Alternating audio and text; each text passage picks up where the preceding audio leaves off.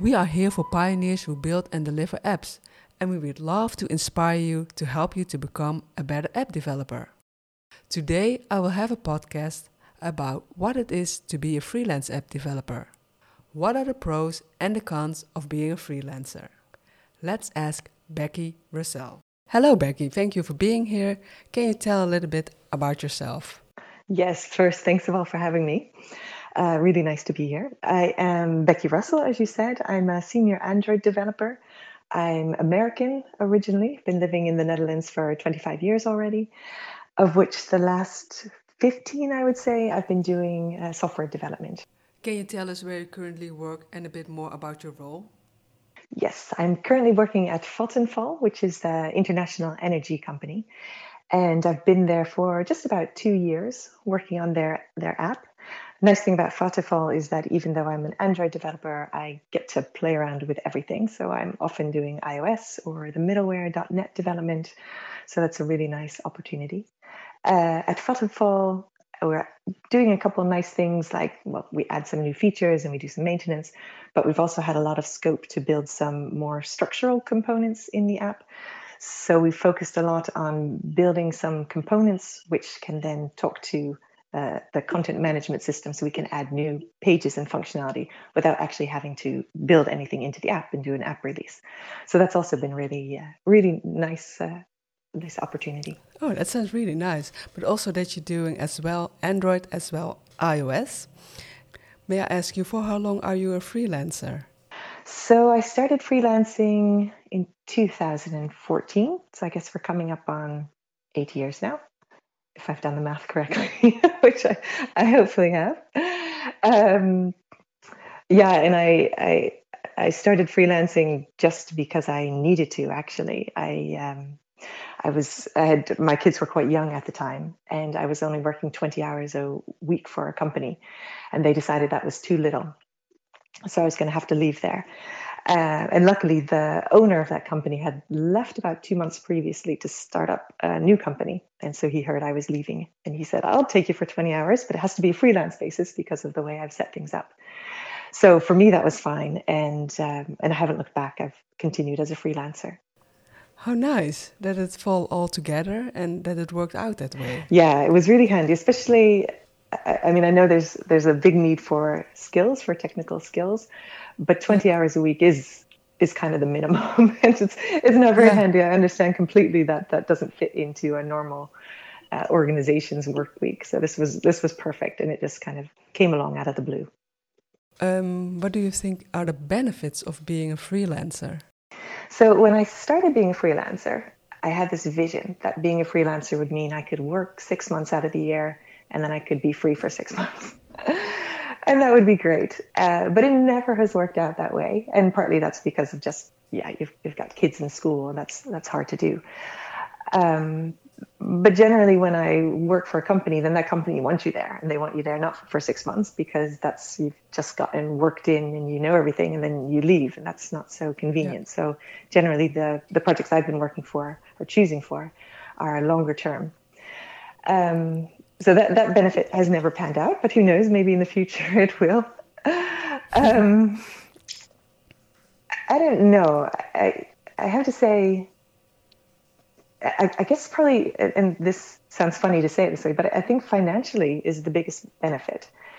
Um, I don't really like basing my decisions based on on money, which is I, I don't do that um, in general. But the difference I, I have considered going uh, into permanent employee, employment a number of times, and the difference yeah. is just so big. And I think if that difference was less, I would have definitely done it because being a freelancer, you do have, uh, in general, you have the two year limit at a company.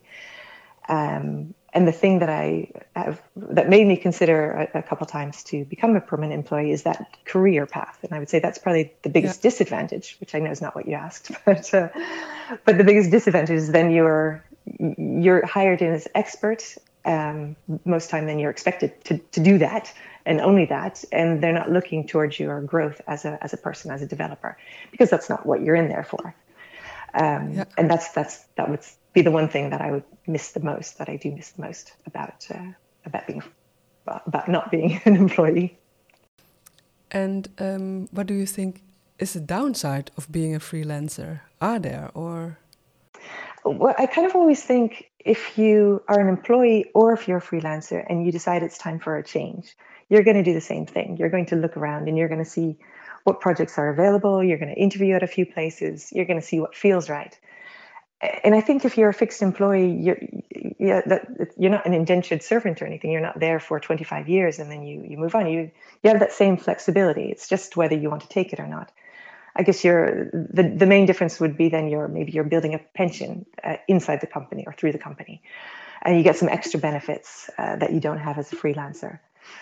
Um, but that flexibility for me, that's never been something. Yeah, choosing a project, you're, you're still going to choose a project. You're going to choose. It's just you have a different contract. I would assume. Yeah, thank you for yeah. This is so interesting, and uh, has it also to do um, with choosing own projects, or is it less than that? Yeah, I think the the one that I just said about the lack of career path and growth within a company. I think that's the biggest thing. You have to take responsibility for that yourself. Um, yeah. And maybe it's just, yeah, yeah. In my opinion, it's harder to do. So, if, as an example, concrete example is, uh, I do a lot of things within the Vattenfall team now that are kind of organizational things. Like, let's, I, I don't know, like I drive the story refinement further. I organize our regressions. I, that's a lot of things that to me is probably bordering on the line of some scrum master stuff and some project owner product owner stuff um, and so that either of those things could be a natural progression in my career if i chose to do that but i couldn't stop as an android developer as a freelancer and then expect somebody to hire me right away as a as a product owner for example. I don't have the experience for that. But if i was in that company i could make that move and they would support me in making that move. So for me that's definitely the biggest downside. I, i've never been uh, in a company as a freelancer where I have not been treated as one of the companies, uh, sorry, as one of the employees. And maybe that's an exception, but I, have never heard that from my colleagues either. That uh, yeah, if you work at this place, you'll always be uh, you'll always be the odd guy out because you're a freelancer. So yeah. I don't feel like that's a, a disadvantage at all either. Um, yeah, I, I, don't, I can't think of anything majorly wrong with it. Okay. And let's say in your team, are there more freelancers or is it mostly permanent developers who are you collaborating with? That's a good question. So at Vattenfall, it's a slightly different situation than in other companies I've been at, in that Vattenfall has some of their own employees in the teams, but they, they source a lot of their IT resources through a different party. So in this case, it's a company called IO. Uh, so there are the, the teams that there are two app teams, and so over the total of those two teams, there are several Vattenfall employees, there are several uh, freelancers who have been brought in coincidentally through Vattenfall themselves. There are a number of IO uh, fixed employees, and then there are a number of freelancers who've been brought in by IO. So it's a, a funny mix of, of people nice. or of backgrounds. But yeah, when you're working on a project, it doesn't actually matter where you come from. Nice.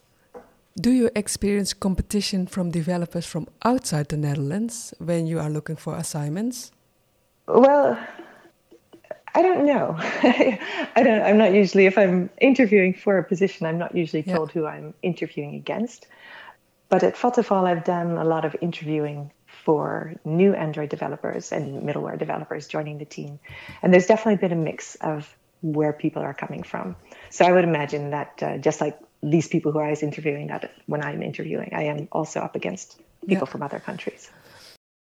And um, do you have any tips of advice for developers who wants to become a freelancer? So I think if you're thinking about doing it and you're thinking that it might be something for you, then I would say go for it. Why not? I had a colleague who was thinking about this recently, and basically, I, I, there was no downside to it um, yeah. primarily because the market is so good. So if you give it a try and you don't like it or you don't find something, there's a thousand jobs out there for somebody, especially if you want to be go back to being an employee. That's no problem. So I, I would say if, if, if you're thinking about it, give it a try. Why not? There's there's very little downside. I think um, you would probably know if you're the type of person who might be interested in doing it. So it's uh, yeah, you've got to be somebody who doesn't mind a little bit of risk, I suppose.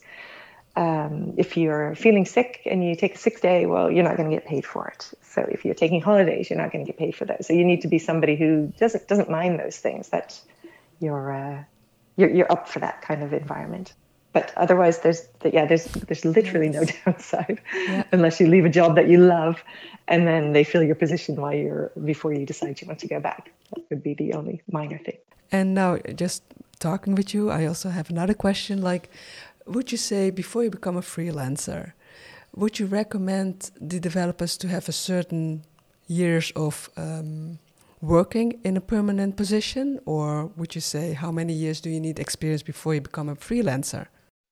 Oh, um, well, I think my advice is probably going against my experience, which uh, is that I had very little experience before I became a freelancer. Um, because, as I said, it was just circumstances that led me to become a freelancer.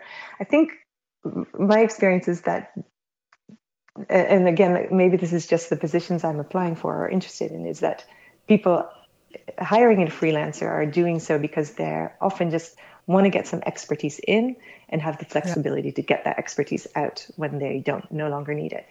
So that that kind of you're expecting, like I said, a certain level of expertise. So I think if you're a, a junior, then maybe this isn't the right place for you or a place for you. This is maybe not the right uh, right way to yeah. get your experience because probably people who are hiring are looking for a little bit more experience.